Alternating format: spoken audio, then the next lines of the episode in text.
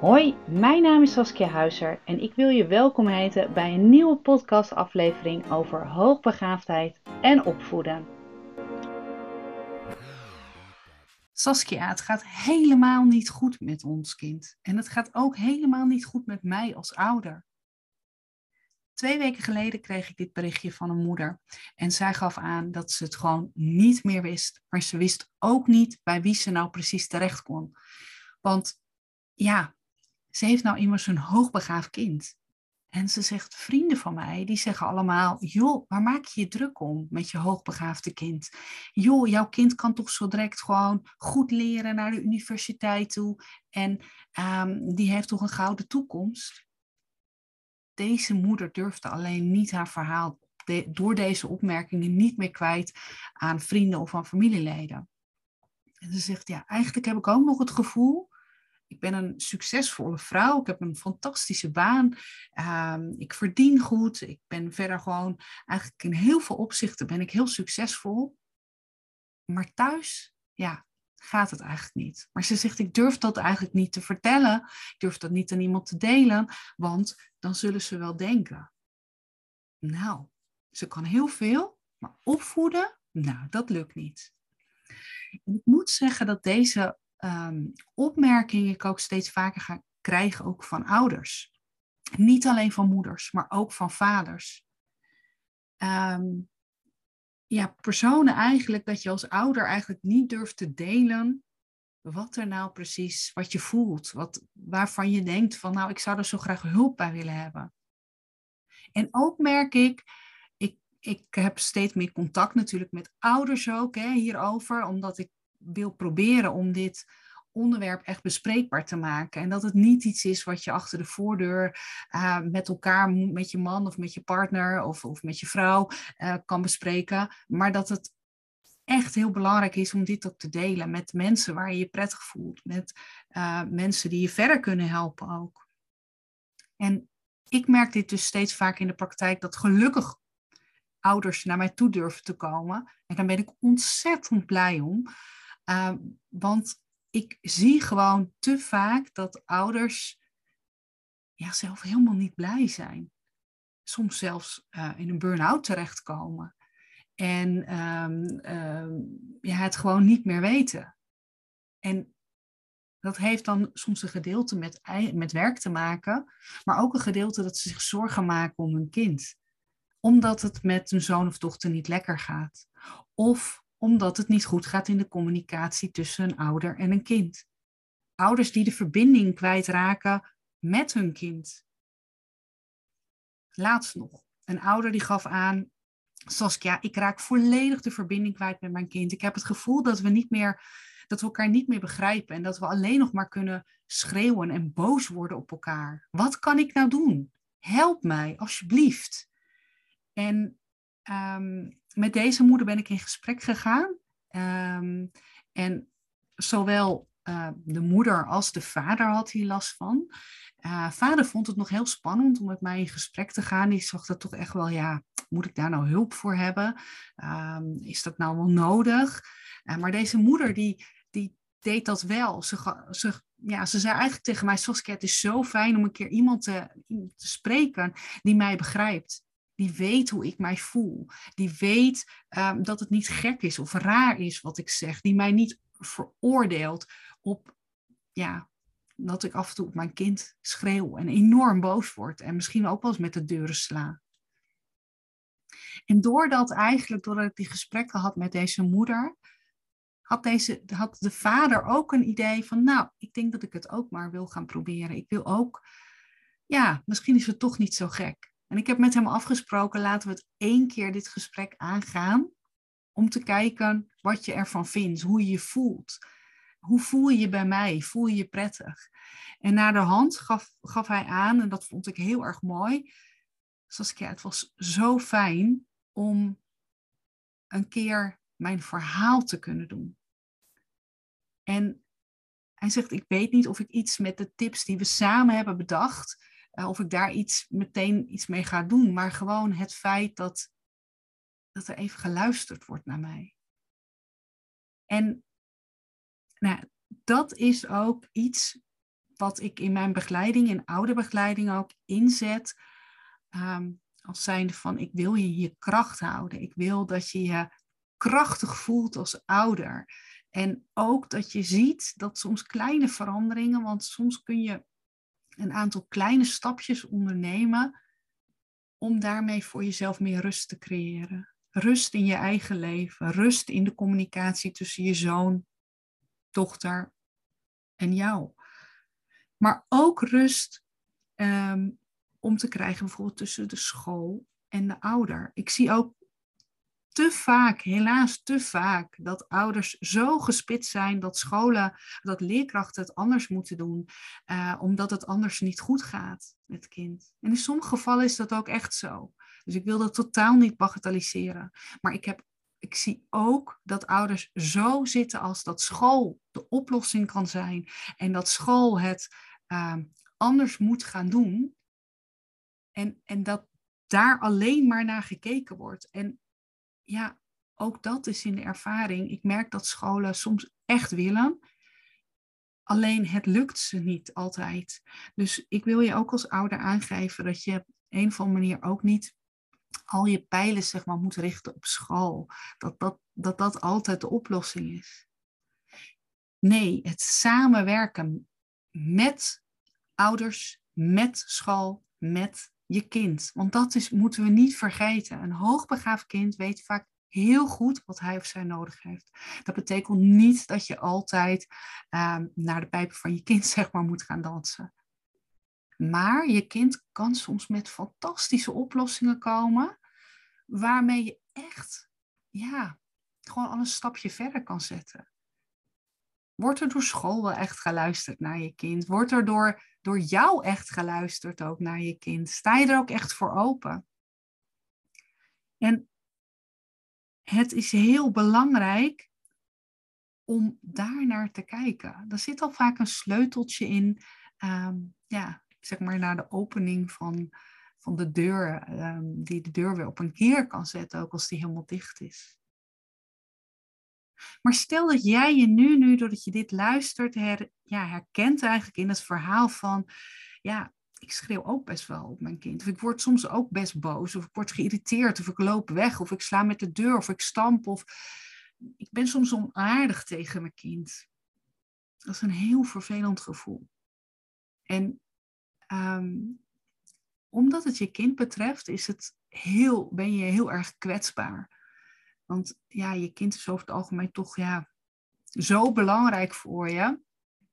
En als het dan niet helemaal lukt, dan is dat ontzettend vervelend. Alleen ik wil je laten weten dat je als ouder, je doet het echt goed. Weet je, je bent niet stuk, je bent niet verkeerd, je doet het niet. Ja, het is niet dat je het niet goed doet. Alleen soms heb je net wat, wat handvatten nodig, wat, ehm, ja, wat hulp, zeg maar, om, om iets verder te komen, om, om stapjes te zetten die je weer uit een nou ja, de negatieve spiraal kan halen. En ik moet eerlijk zeggen, want ik, ik heb veel gesprekken met ouders, omdat ik me natuurlijk voornamelijk ook op ouders richt, merk ik ook bij sommige ouders die zeggen, ja, ja, ja, dat doe ik ook wel al. En ja, dat je als ouder, dat het soms best moeilijk ook is om, om naar een ander te luisteren. Um, omdat je misschien denkt, ja, wat zal zij wel niet denken? Nou, ik moet zeggen, ik denk in mijn begeleiding eigenlijk nooit van, nou, wat zou die ouder nou, wat, ja, wat doet hij of zij het nou raar? Nee, helemaal niet. Ik weet hoe gefrustreerd uit eigen ervaring, dus uit persoonlijke ervaring, hoe moeilijk het soms was voor mijn ouders, maar ook als ja, moeder nu van twee zoons. En ik doe het ook niet perfect. Het lukt mij ook niet altijd. Ik word soms ook ongelooflijk boos.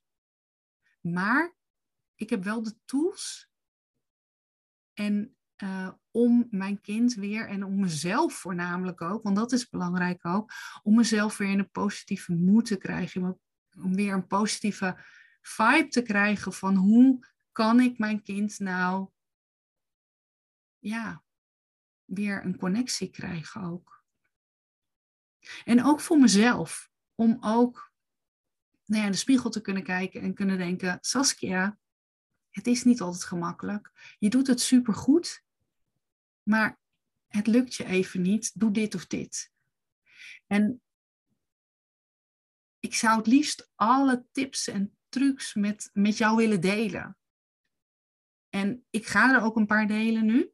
Ehm, maar ik zeg er ook bij dat wel ja, niet iedere tip is zeg maar voor ieder gezin, voor iedere ouder van toepassing. En ja, dat komt ook omdat we allemaal anders zijn. Je kind is anders, jij bent anders. Uh, je levensomstandigheden zijn misschien anders dan die van mij. Maar wat gewoon echt eigenlijk het allerbelangrijkste is, en misschien is het een enorme open deur, maar ik blijf het toch zeggen, is toch om te luisteren naar elkaar.